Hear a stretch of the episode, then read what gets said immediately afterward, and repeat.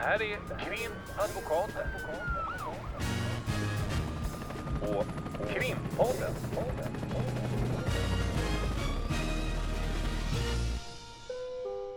Parter och ombud kallas till sal 32. Hej Lotta! Hej Ulrika! Idag är det lite special. Ja, det kan man säga. Vi är här ute på universitetet, Juristernas hus. Det är juristdagarna. Vi kör livepodd. Det är faktiskt första gången vi gör det. Vi har varit på lite olika ställen. Vi har varit i Almedalen och kört lite Mm. podd och så.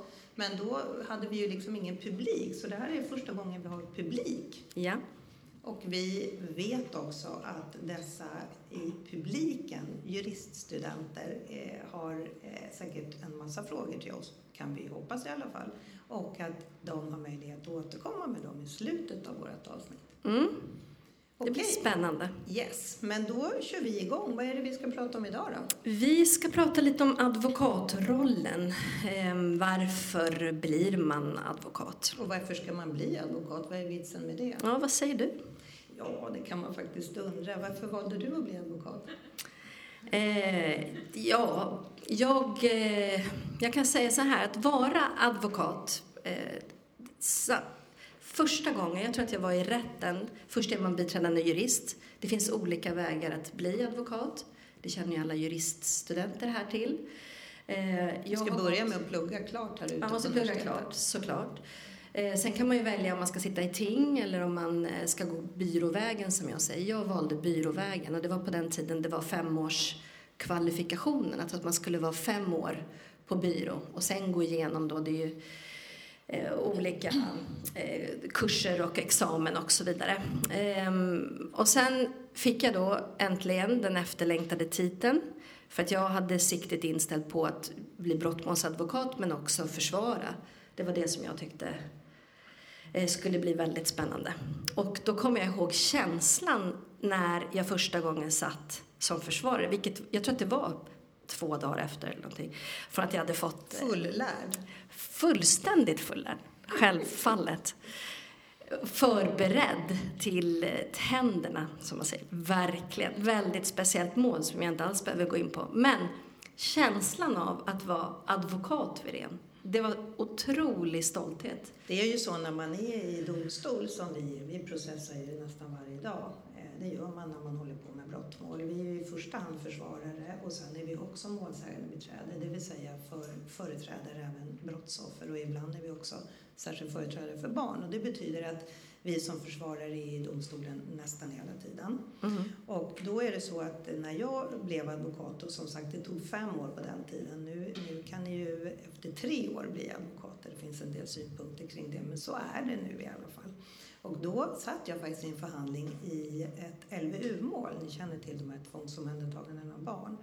Och då eh, höll det på i flera timmar och sen blev det en paus och då ringde jag till advokatbyrån och då sa de, nu, var du, nu är du inne, tjosan hejsan, grattis du är advokat. Och så gick jag tillbaka och så sa jag det till mina kollegor som satt i samma mål och då blev de alldeles till sig i trasorna. Det var en så jättestor grej. Så då så sa en av kollegorna till domaren, nej nu kan du inte titulera henne notarien Borg, nu är det advokaten Borg, för det är alltid efternamn i domstolen. Och så blev det applåder i, i rättssalen och jag tänkte så här, det här är ju hur skämmigt som helst, min klient sitter ju här, hennes barn har blivit omhändertaget, hur kan jag liksom hamna i, i, i fokus? Det var lite jobbigt. Men det belyser ju också att det är en ganska stor grej när man väl har lyckats ta sig igenom att faktiskt få sin examen som, som advokat. Och, och det är ju kanske den direkta upplevelsen då när man fick den här titeln. Det var ju kanske inte det som var strävan från början. Det är så, Nej, sen så kan man väldigt sluta. ytligt. Så här. Jag ville bara sitta och advokat Wirén. Men, men syf, alltså varför blev vi advokater? För min egen del är det för att jag ville, jag har alltid velat syssla med brott och straff. Eh, och jag har velat företräda människan i det, alltså ha den här människokontakten ehm, och företräda människan mot staten också om man säger. Ehm, och vara en del i, det låter alltid så pompöst, men vara en del i den här rättsapparaten och kunna påverka i det lilla, vilket jag faktiskt upplever att vi kan, i det lilla ge den här människan som, som vi möter i olika sammanhang respekt och engagemang och stå på den sidan. Det, det, det är någonting som jag alltid eftersträvade och som jag är väldigt glad idag nu 11 år senare, 11 och ett halvt till och med år senare, att jag valde och att jag fortfarande tycker samma sak. Det är kul. Och vad man kan säga då med advokatrollen som skiljer sig från många andra typer av juristroller. Alla är vi ju jurister i botten och har gått igenom juristprogrammen på någon av universiteten i Sverige. Eller är en EU-advokat och kommer in på en annan väg. Men eh, sen så jobbar man på byrå eller sitter ting och sen också jobbar på byrå. Och så när man väl blir advokat, det som skiljer oss åt det är just att vi är helt oberoende. Vi har ingen myndighet som bestämmer över oss. Vi, har, vi ska inte ha några intressen någonstans utan vi ska bara ha en lojalitet med våra klienter. Så är man misstänkt för ett brott och får en advokat så ska man också vara garderad att advokaten inte ser i, eller är skelögd. Det vill säga ett öga på klienten och ett öga någon annanstans av någon sorts lojalitet med en myndighet eller någon organisation eller någonting. Så som advokat är man då helt oberoende. Och därför är vi också väldigt glada för våran podd. Därför att även om det är andra advokater som har poddar så är vi den enda advokatbyrån som har en podd som också är oberoende. Och det är därför att vi har ingen reklam, vi är inte upps, uppslukade av något, eh, något bolag. Utan vi säger att vi vill sköta det här själva utan att någon ska tala om vad vi ska prata om. Eller att det ska finnas reklam. Och det är, beror på att vi har en eminent tekniker, Mats Borg, som har samma namn som jag konstigt nog och sköter det här då åt oss alldeles gratis. Det är ju fantastiskt. Annars hade vi inte varit så himla fina och oberoende, tror jag. Nej, så är det. Då hade vi blivit köpta.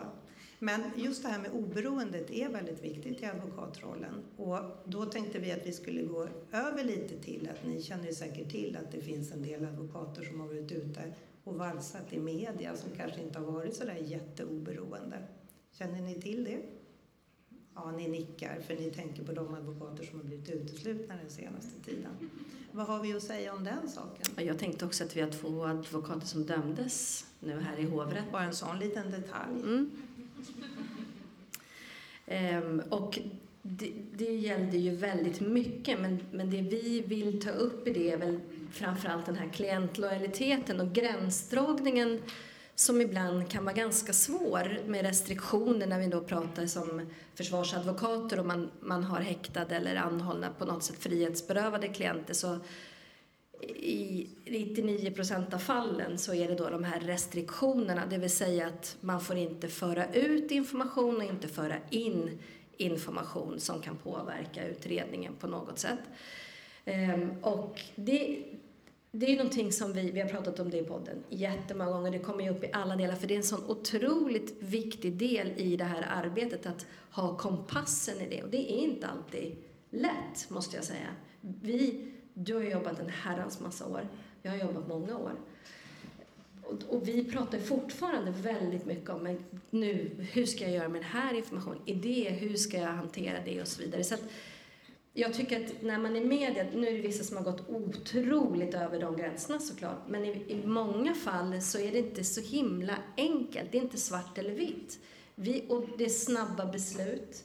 Och vi, vi ska möta det här med, med någon sorts ryggradskänsla. Och är man då, det är som du säger, att vi kan ha synpunkter på tre års kvalifikationen. Och, och, och, det går lite tillbaka till det, att vi kan ha synpunkter på, för att det man lär sig när man har varit till exempel biträdande jurist på en, på en brottmålsbyrå, det är ju just att kanske få den här kompassen. Att få höra samtalet mellan mer erfarna advokater och ha möjlighet att, att hela tiden fråga. Det är ett, ett hantverk skulle jag säga mm.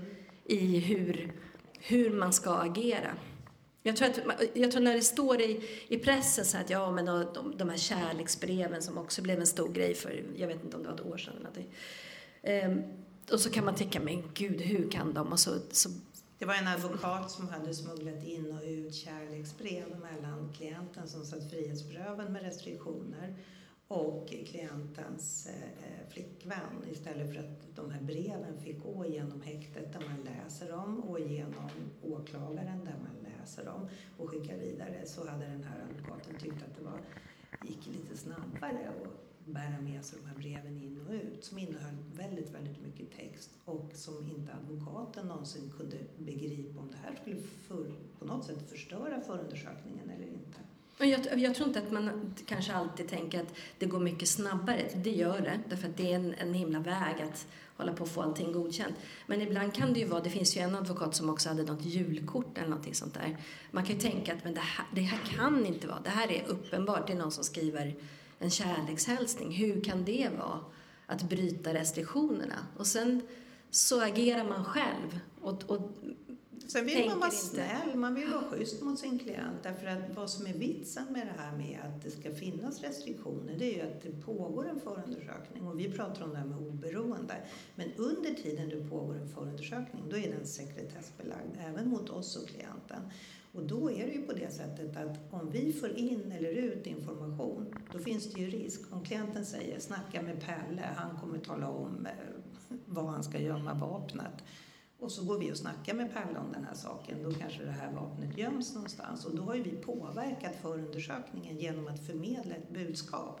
Eller ta in ett budskap utifrån om vi förmedlar det till klienten som kanske då säger någonting i ett polisförhör.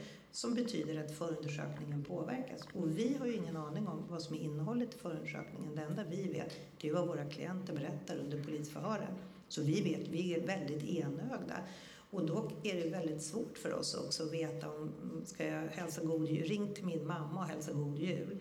Är det midsommar, då kan man börja tänka att det här är en kod.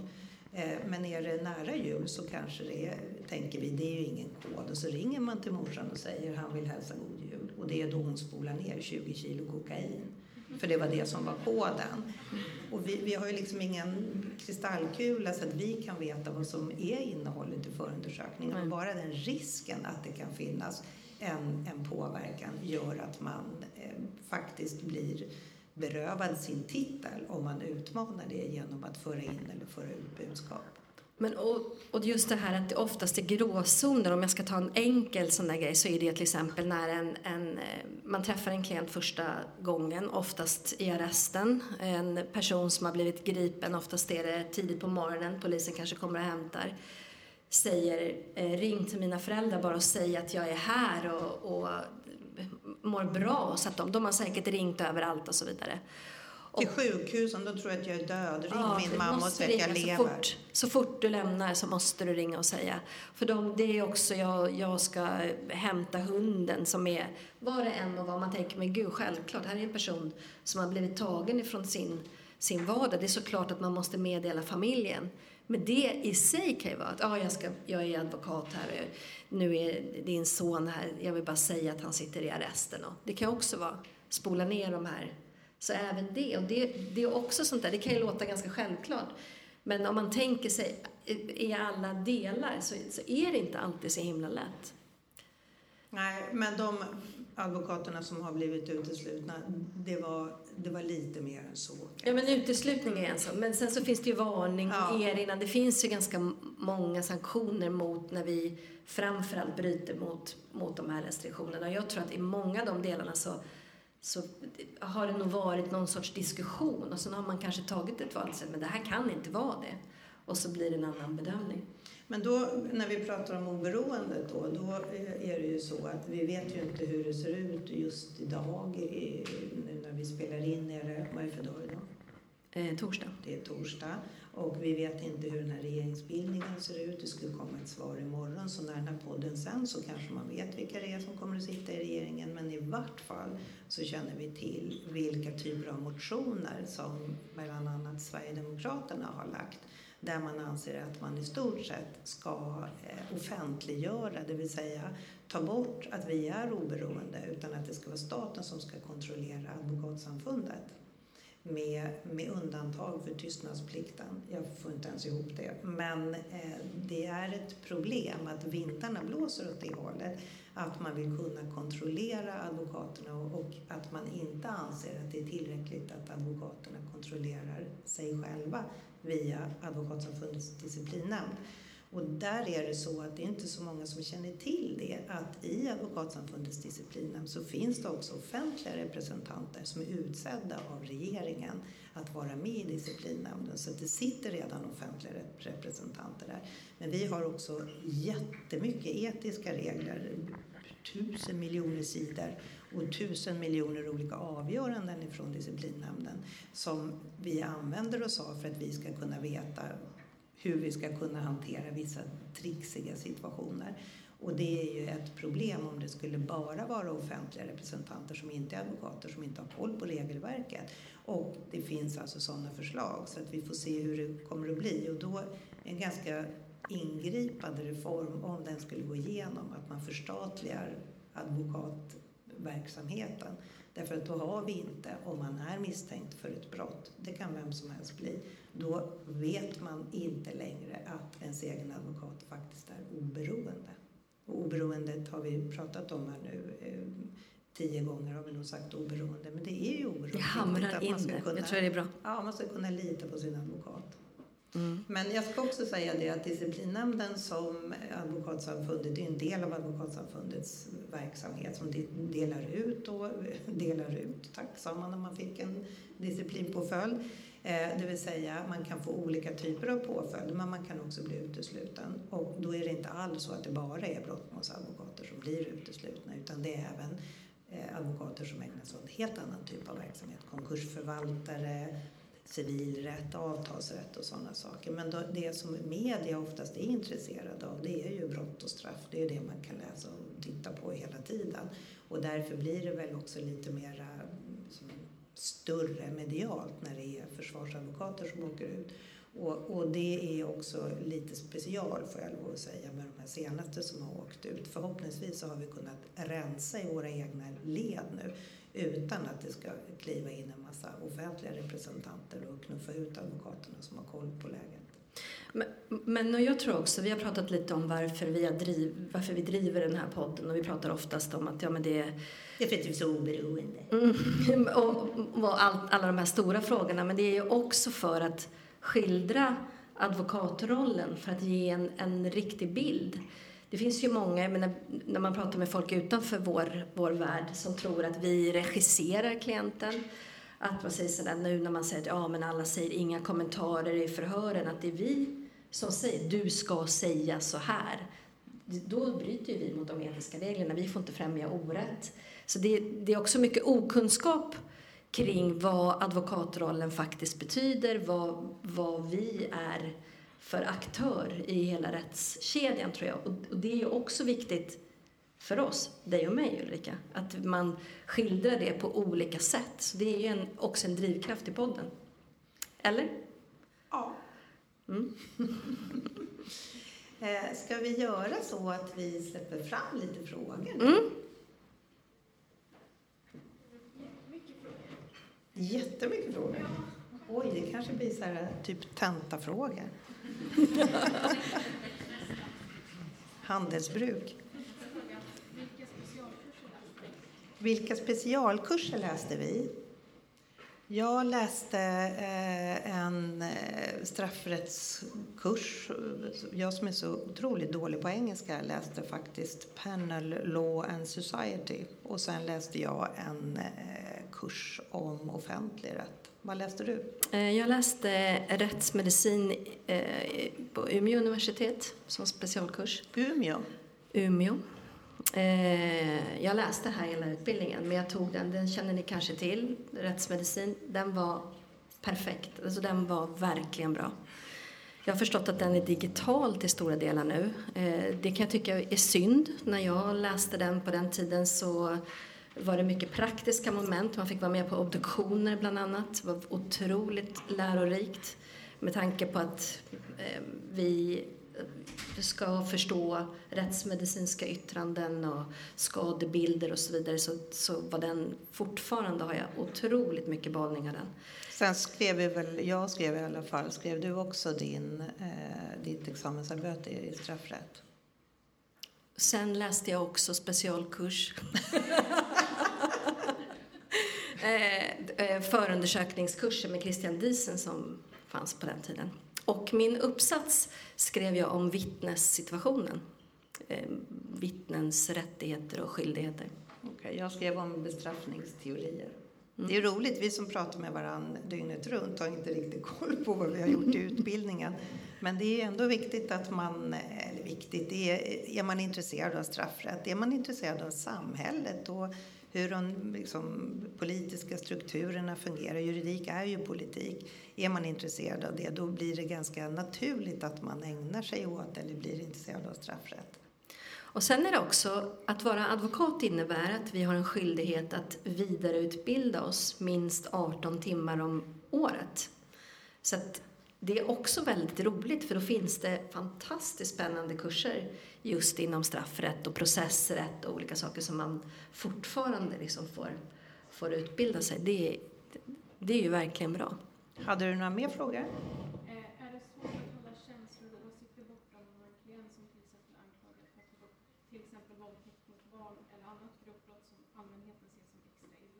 Oj, nu ska jag repetera den frågan.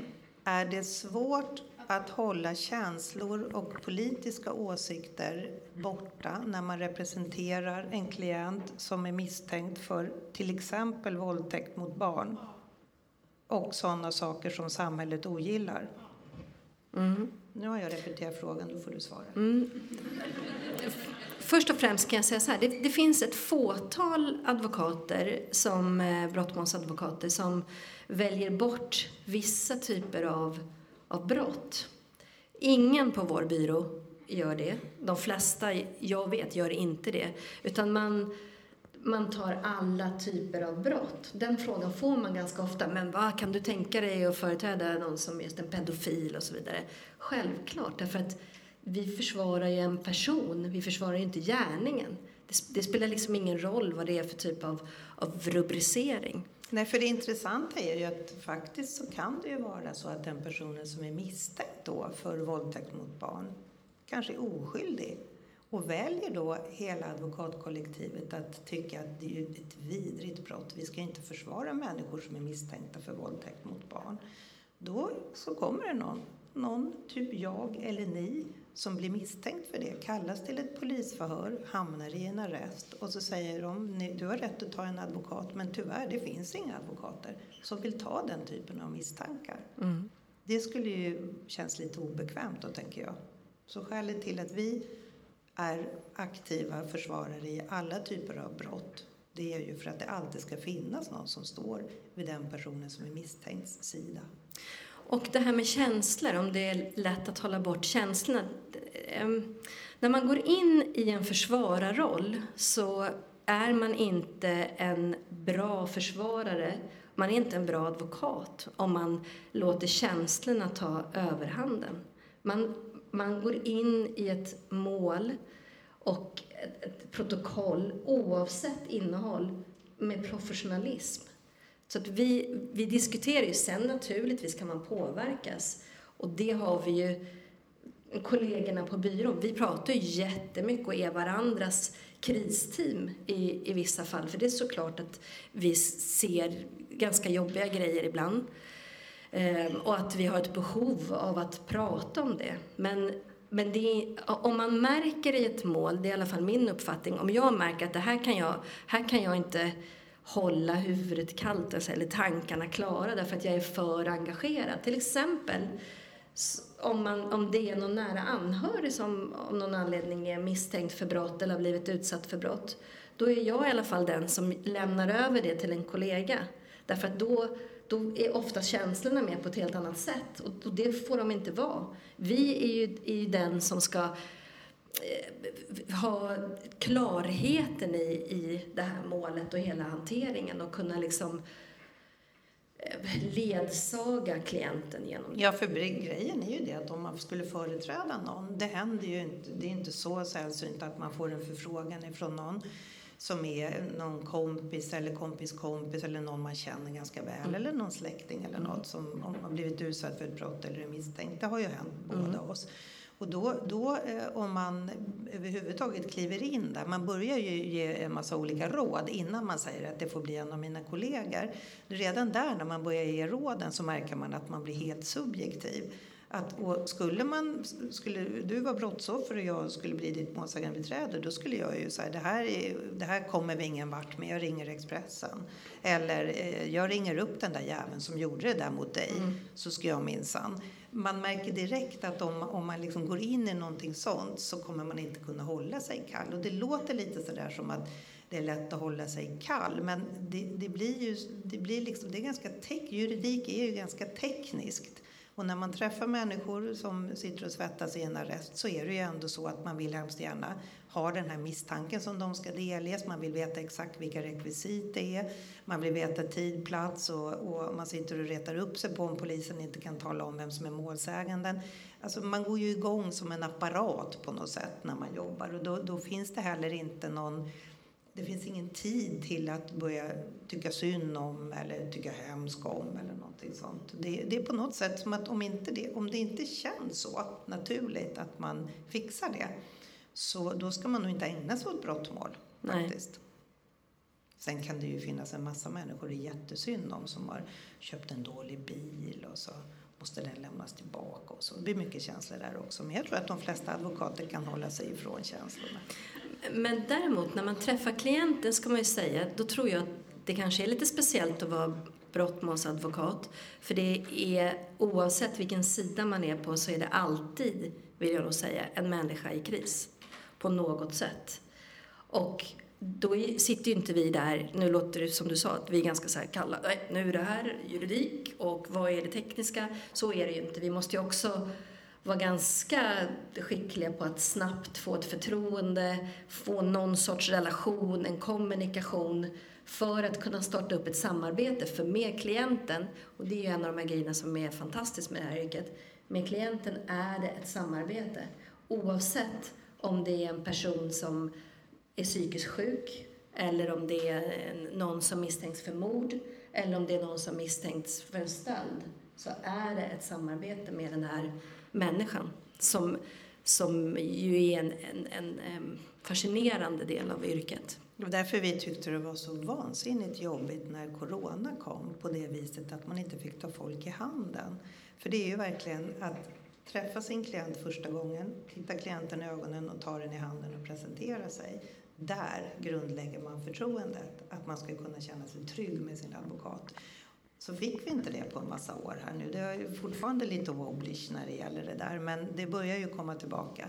Men för det handlar ju om att knyta till sig personen i fråga på det sättet att nu ska du känna dig trygg här. För det är jag som kan det här och du kan luta dig tillbaka. Och precis som du säger Lotta, det gäller också ett samarbete. För att om en person har varit på en viss plats och är anklagad kanske för en misshandel eller någonting liknande så är det ju om personen säger att han var på platsen eller hon var på platsen så vill ju vi kunna samarbeta med klienten för att få fram Finns det några förmildrande omständigheter? Finns det någon nödvärnsinvändning? Sånt kan ju hända. Det är inte så särdeles ovanligt om det har varit ett slagsmål och sådana delar. Och då måste man ju kunna känna förtroende för sin advokat. Våga berätta för advokaten.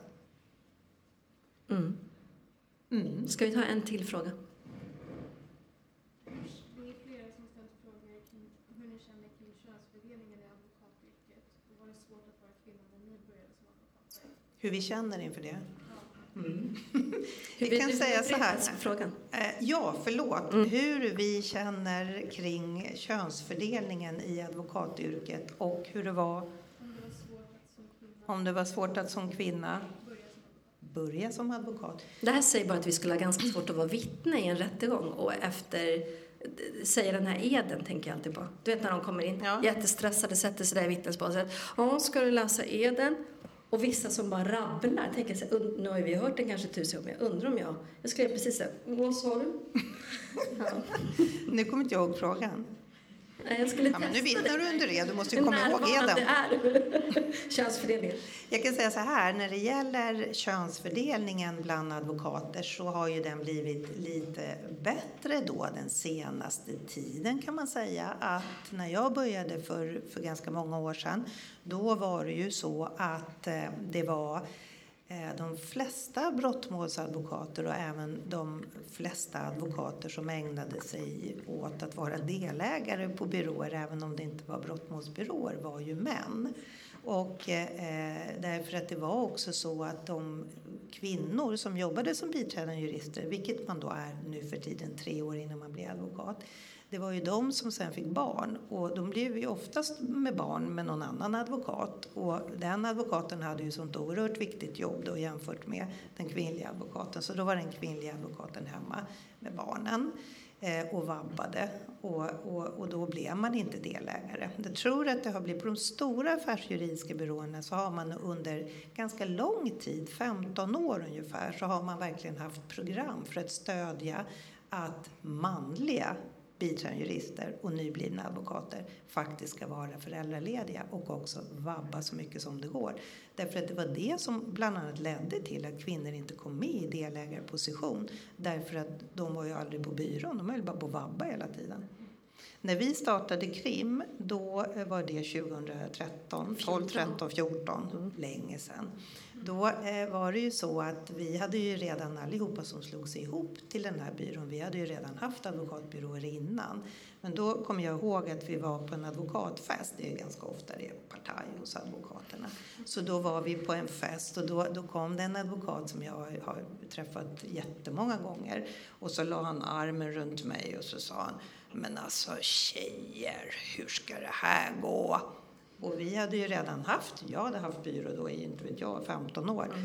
Jag tänker på det här med ekonomin och sånt där, kan ni sånt? Då tänkte jag så här, nej jag tror faktiskt inte det, kan du hjälpa oss? Sa jag då, men han fattade inte det, alltså det hade han inte tid med. Nej. nej. Så det var ju lite annorlunda när vi öppnade byrå att vi gjorde det som kvinnliga försvarsadvokater. För det finns ju byråer med kvinnliga delägare. Men då har ju de hamnat, många advokater, kvinnliga advokater, de hamnar ju i att det som man ska jobba med det är de lite mer mjuka frågorna.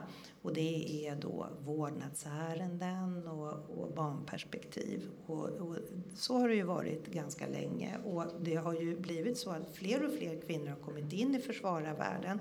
Samtidigt så har det inte kommit fler och fler män in i målsägandebiträdesvärlden. Mm. Det har inte ökat tyvärr. Nej. Men, det var ju en anledning till att, att vi också gick ihop. Hela, vi, du säger 2013. Det var ju för att vi började planeringen ja, kring... Det är för att vi har en sån här alarmkod på dörren som är 1314. Får man säga? Då tror, nej. Får vi ändra den nu? Får ringa Securitas efter. Först måste man bryta sig in. Nu finns det många som kan bli misstänkta här. Att det är fåtöljerna. Ja. För, ja, vi började planera krim 13, det är därför. Har du någon mer fråga?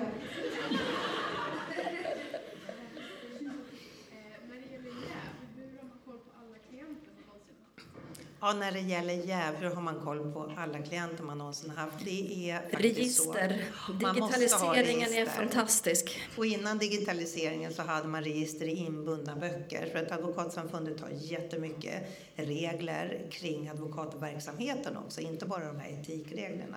Det finns jättenoggranna regler kring hur man ska föra register över klienter. Och nu som sagt när det är digitaliserat så har vi digitaliserade register.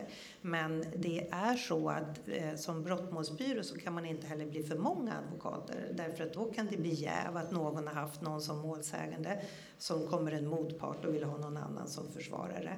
Så att de flesta eh, brottmålsbyråer de är inte så mycket större än kanske 15-17 personer jämfört med ja, ni vet, de stora affärsjuridiska byråerna där det jobbar hundratals människor tusentals människor i vissa, när man mm. har filialer och så. Så att man måste ju hålla ner jävsriskerna eh, och genom att inte vara för många. Men vi har kontroll genom att vi har de här oerhört noggranna registren och de följer ju med oss ända till vi dör. Mm. I nya konstellationer så släpper vi omkring på våra klientregister så att det inte ska bli jäv.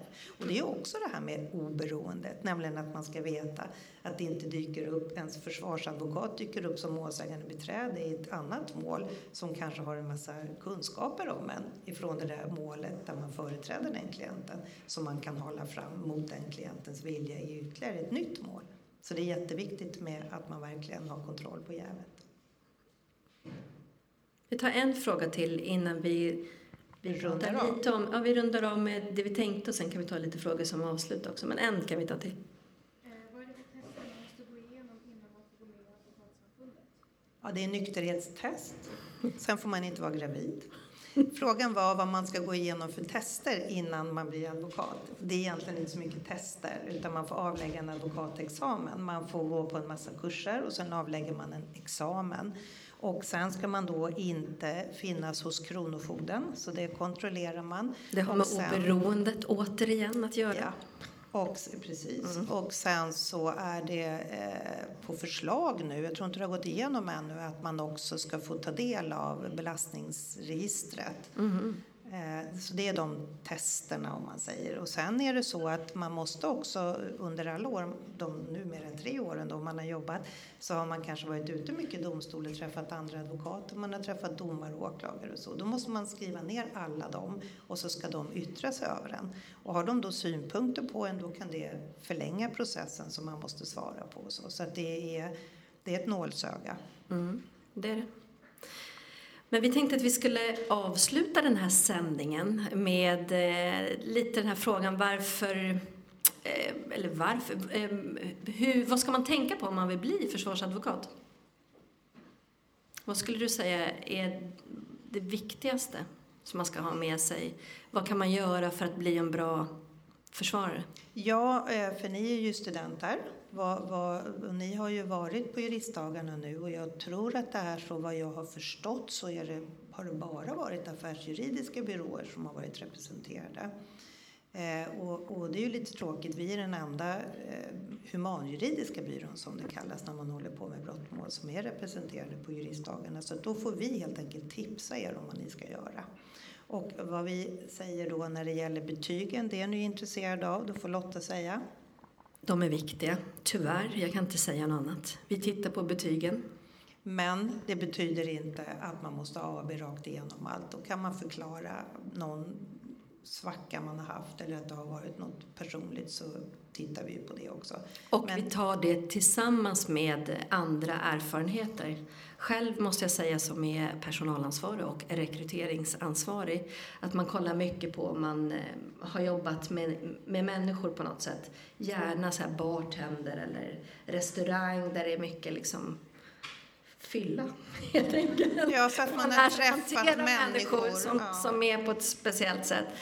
Och, eller man kan jobba i Willys, sjukvården. på kaff, i kassan på Willys där det kommer Ja, människor och stress. gnäller över att det är, är långa köer, att man har hanterat människor. Eller att man har jobbat på advokatbyrå. Det brukar jag tipsa om att det är jättebra att jobba som extra sekreterare, eh, som vikarie på advokatbyrå så att man har en möjlighet att lära sig lite hur det funkar med alla handlingar som skickas ifrån domstolar. Man börjar lära sig skillnaden på förelägganden, om, om man är tvungen att skriva någonting eller om man inte ska skriva någonting. Så att man lär sig ganska mycket av språket som gäller i domstolar och hos polisen. Men det är inte uteslutet att man kan få jobb på en, på en, en humanjuridisk byrå bara, för att man inte har då jobbat på en sån under sina studier utan man kan också jobba på häktet, man kan jobba, ni vet att det finns vittnesstöd som är ideell verksamhet på alla domstolar. De kan man ta kontakt med och jobba med och då har man lärt sig att hantera människor som vi gör hela tiden med människor i kris. Men också, man kan säkert vara i kris när inte eh, Visakortet funkar på Willys. Så att det handlar ju om att ha liksom en vana i att, att hantera människor som kan vara lite knöliga. Och jag tänker också att vår bransch är ganska liten. Man känner till varandra relativt bra. Vi snackar mycket. När någon letar kanske efter en ny biträdande jurist och så vidare så kollar man runt bland kollegor och så vidare. Ehm, jag kan ibland vara lite förvånad över att det inte, och inte nu för att jag vill dra igång någon, någon sån här våg av ansökningar, men att man kan rikta in sig på en särskild eller några byråer och verkligen skriva personligt. Ibland så är det som att man, man ser att det är skickat till 10, 11, 15 byråer. För det är så, an, det är så annat typsnitt på Ja, exakt. Och så här, att, ja, men jag söker mig till er för att och kanske hitta någon på byrån att ja, men ypperligt så här, du är så himla bra i podden till exempel. Då blir man så här smickrad och så, bara, jag ska kolla. Och så skickar man med allting samtidigt, att man liksom gör en seriös ansökan. För att det, det är en ruljans i vår bransch. Det är många nybildade, som du sa, det är många som öppnar liksom byråer nu. Det är en otrolig byråuppstartningstid egentligen med, med nyblivna advokater som öppnar eget och då rekryteras det in. Så håll ögonen öppna, gör en seriös ansökan och rikta in er till någon för oss och smickra lite så kommer man in. Liksom. Och sen eh, är det ju så att eh, man kan ju sätta igång att söka jobb innan man är klar. Mm. Så nu är vi i oktober och de som tar examen i januari har redan börjat skicka ansökningar till oss. Och det är ju också bra att ligga lite steget före. Tips, tips. Och sen eh, brukar vi också säga att det är väldigt bra om man ska jobba med den här typen av juridik. När man, när man kommer in på en byrå då får man ju inte börja jobba som försvarare direkt. Så funkar det ju inte utan då måste man ju bli advokat först. Men det är ju jätteviktigt att man har ett samhällsintresse, att man har koll, att man är allmänbildad, att man läser dagstidningar, lyssnar på radio. Som när vi sitter och har rekryteringar, nu är Lotta som är ansvarig men jag har också varit med på rekryteringar, när, när det är så att man märker att det är en person som kanske AB rakt igenom och, och, men inte fattar vad juridik är. Då blir man inte så intresserad. Mm. Så att det är ju bra också att försöka att läsa böcker, lyssna på radio, som har lite koll på, på samhället helt enkelt. Det är vad vi prioriterar. Och ehm, ett intresse av retorik, för det jobbar vi ju väldigt mycket med. Det Alltså gå omkring med stenar i munnen på stranden. Det är vad ni ska göra här framöver innan ni söker jobb. Ska vi avsluta med lite frågor då? Mm. Mm.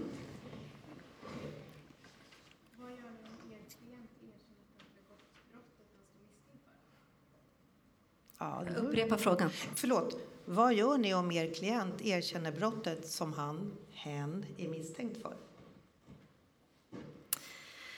Eh, det där är också en, eh, eh, som vi var inne på först, att man har en viss, ja, jag måste säga nidbild av försvarsadvokaten.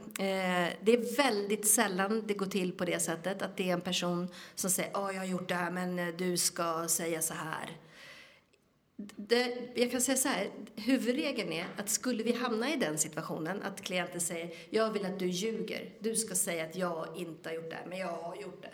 Då ska vi frånträda. Det är ett skäl till att entlediga sig, för vi får inte främja orätt. Återigen en etisk jätteviktig regel.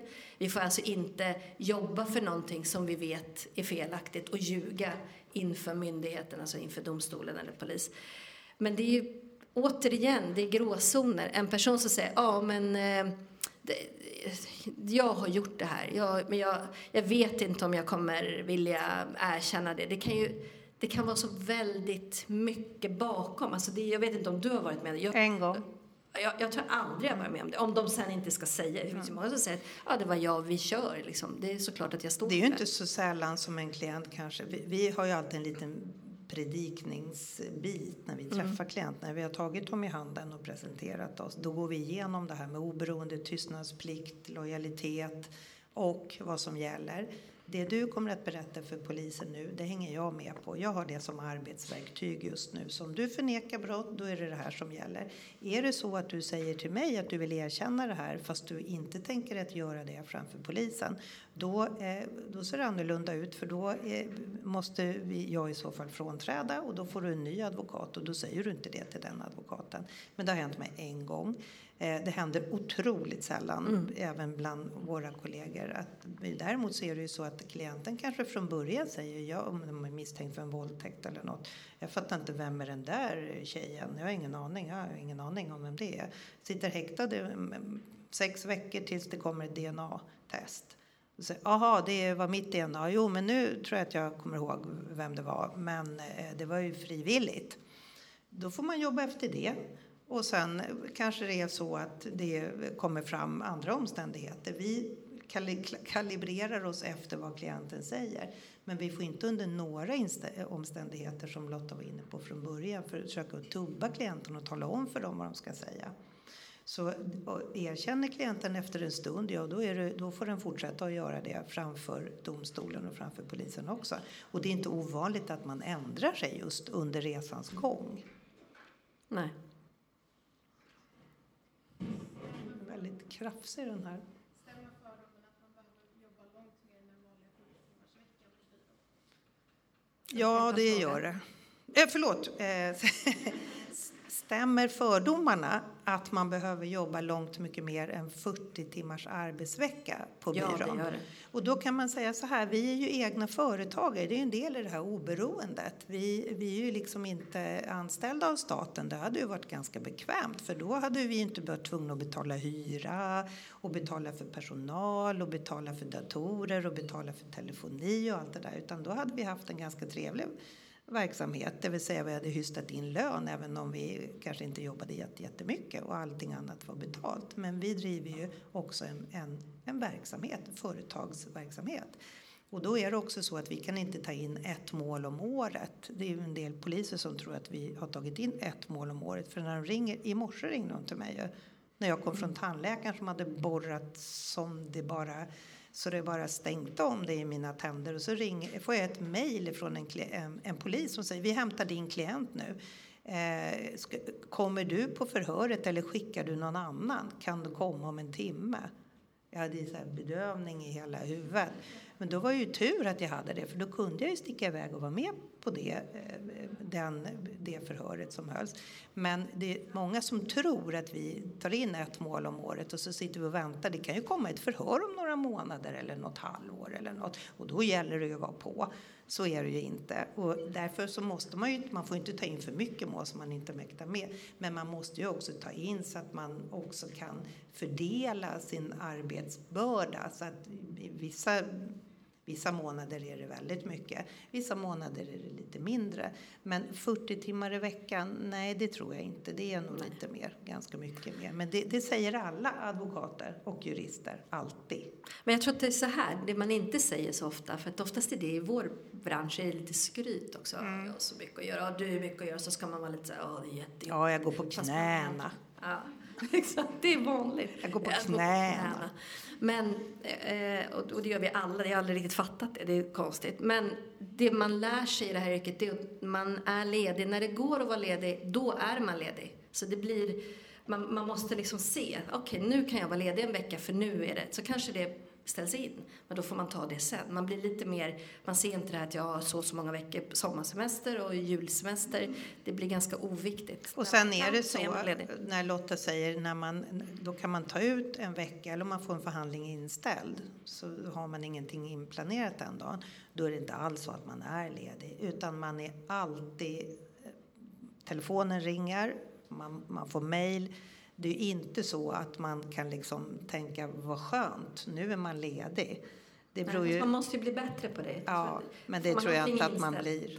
Nej, men, och det, det, det brukar också låta som att det men det, det är en livsstil. Det måste man vara beredd på. Man kan inte koppla bort. Nej, för om man gör det och säger så här, men nu ska jag vara ledig tio veckor på sommaren whatsoever och kommer in ett stort mål och någon begär en i det målet och, och då blir ju den klienten ganska störd över att, att vadå, ska du ha semester? Och, och då gäller det ju, man måste ju också bygga upp en egen klientstock. Man, man måste ju också bli begärd av klienterna för att de ska snacka med sina kompisar så att man blir begärd och sen så ska domstolen ha förtroende för en så att de också förordnar en. Om man sitter och väljer så här vad man vill ha för att man har tänkt att vara lite ledig och novemberlov och påsklov och allt vad det nu kan vara. Då, då har man inte många klienter att luta sig tillbaka på. Det är då man kan komma på sådana här snabba förhör. Mm. Kanske man har tre klienter. Så man är liksom aldrig riktigt ledig, aldrig riktigt ledig. Jo, jag var det en gång när, när jag var, min son jobbade i Nordkorea. Och det var fantastiskt. Då åkte jag dit vid två tillfällen och då var jag ledig därför att det gick inte att få tag på mig. Och det var så skönt för då sa de på byrån, det går inte att få tag på Ulrika. Och då sa alla människor, det gör det visst det. Finns ingenstans man kan vara på jorden så, så man kan vara helt bortkopplad. Och då hade de lov att säga, jo för hon är i Pyongyang i Nordkorea. Och det gick jäklar i mig inte att få tag på mig. Det var fantastiskt skönt. Och hade det varit akut, då kom det en, en satellit man kunde koppla upp sig till en viss tidpunkt på dygnet. Och då satt jag ju där på ambassaden och kollade om det hade kommit in några mejl där då. Så jag var inte riktigt ledig, men jag hade kunnat fejka. Men har du varit helt ledig någon gång? Det har du inte. Man kan säga så här, man kanske måste vara lite störd. Liksom. Ja. det när det är. Så det är också en del som ni ska ha med er. Jobba i kassan på Willys, jobba på advokatbyrå, var lite störd. Och med det sagt kan vi konstatera att i sån här livepodd kan vi prata hur länge som helst. Ja, nu har vi pratat i 50 minuter. Nu måste vi avsluta direkt. Då avslutar vi. Då Tack avslutar så mycket vi. för idag. Tack. Hej!